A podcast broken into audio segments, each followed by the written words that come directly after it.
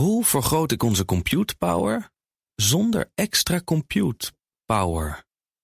Lenklen, Hitachi Virtual Storage Partner. Lenklen, betrokken expertise, gedreven innovaties. Anu. Tech Update. Ja, het is 14 minuten voor 8 en dus tijd voor Conor Klerks. Conor, goedemorgen.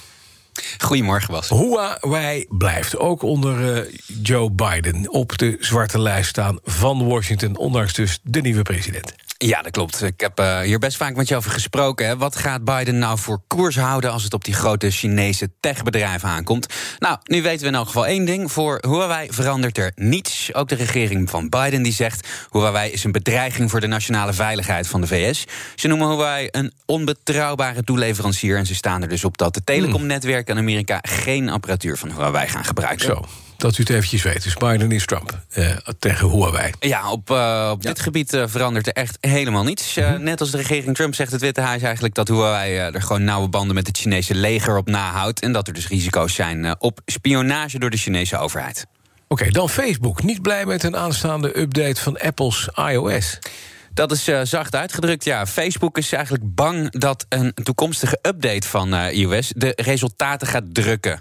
In die update, die waarschijnlijk in het voorjaar komt, zitten namelijk veranderingen voor gebruikers op het gebied van uh, targeted reclames, dus gerichte reclames. Simpel gezegd, apps moeten voortaan toestemming krijgen van de gebruikers als Mhm. ze gerichte reclames willen aanbieden op basis van locaties, interesses, dat soort dingen. En nou begrijp ik waarom Facebook dat niet fijn vindt, want dat is nou juist precies het verdienmodel van meneer Zuckerberg. Inderdaad, ja, Ja. Facebook uh, zegt dat het ook meteen effecten zal hebben op de resultaten.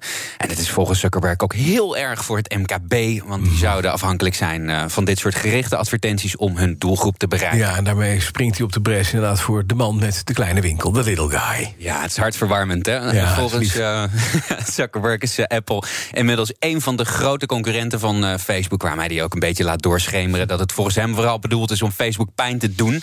Hij vertelde dit overigens in de earnings call over uh, Q4 van afgelopen jaar. Ja, precies, en daarover gesproken. We hadden het er straks al met Wim Zwanenberg, van Zwanenberg van Lemberg. Stroeven Lemberg Vermogensbeheer over. Het gaat goed hè, met de big tech en ook dus met Facebook. Ja, dankzij uh, de stijgende reclameinkomsten in het laatste kwartaal uh, van vorig jaar uh, kreeg Facebook een omzet van bijna 86 miljard dollar. Ze stijgen van 22 procent ten opzichte van een jaar eerder. Ja, Zuckerberg zei een sterk slot van het jaar, kun je wel zeggen. En er zijn nog meer hè, tijdens die earnings call. Ja, zeker. Facebook stopt uh, ook met aanbevelen van politieke en activistische groepen aan uh, gebruikers. Afgelopen herfst deden ze dat al even rondom de uh, presidentsverkiezingen. Want ja, toen liepen de spanningen nogal hoog op. En Zuckerberg zegt dat hij wil dat Facebook zich meer gaat concentreren op positieve groepen. Moeten ze eigenlijk gewoon leuker worden. Wat meer amusement op Facebook. Mm -hmm. Dit, daarmee geeft hij gewoon een oproep uit de Senaat, begrijp ik. Ja, hij werd een beetje de oren gewassen door Ed Markey, dus een senator voor de Democraten. Hij vroeg Zuckerberg dinsdag om tekst en uitleg over het feit dat Facebook er maar niet in slaagde om dit ook daadwerkelijk te stoppen, dit aanbevelen van mm -hmm. uh, politieke groepen. Want ze zeiden dat gaan we doen. Maar volgens Markey uh, uh, is dat gewoon niet voldoende gebeurd en zijn die groepen eigenlijk de kweekvijvers voor haat.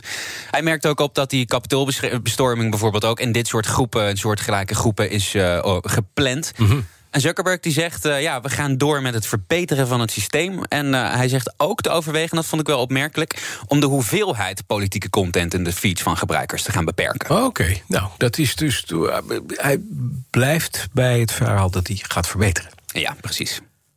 Oké, okay, nee, dan weten we dat. Genoteerd. Hebben we vaak gehoord. Ja. Dankjewel, Conor Klerks. De BNR Tech Update wordt mede mogelijk gemaakt door Lenk. Hoe maak ik van ons VMware-platform een on-prem AI-platform? Lenklen, NVIDIA AI Enterprise Partner.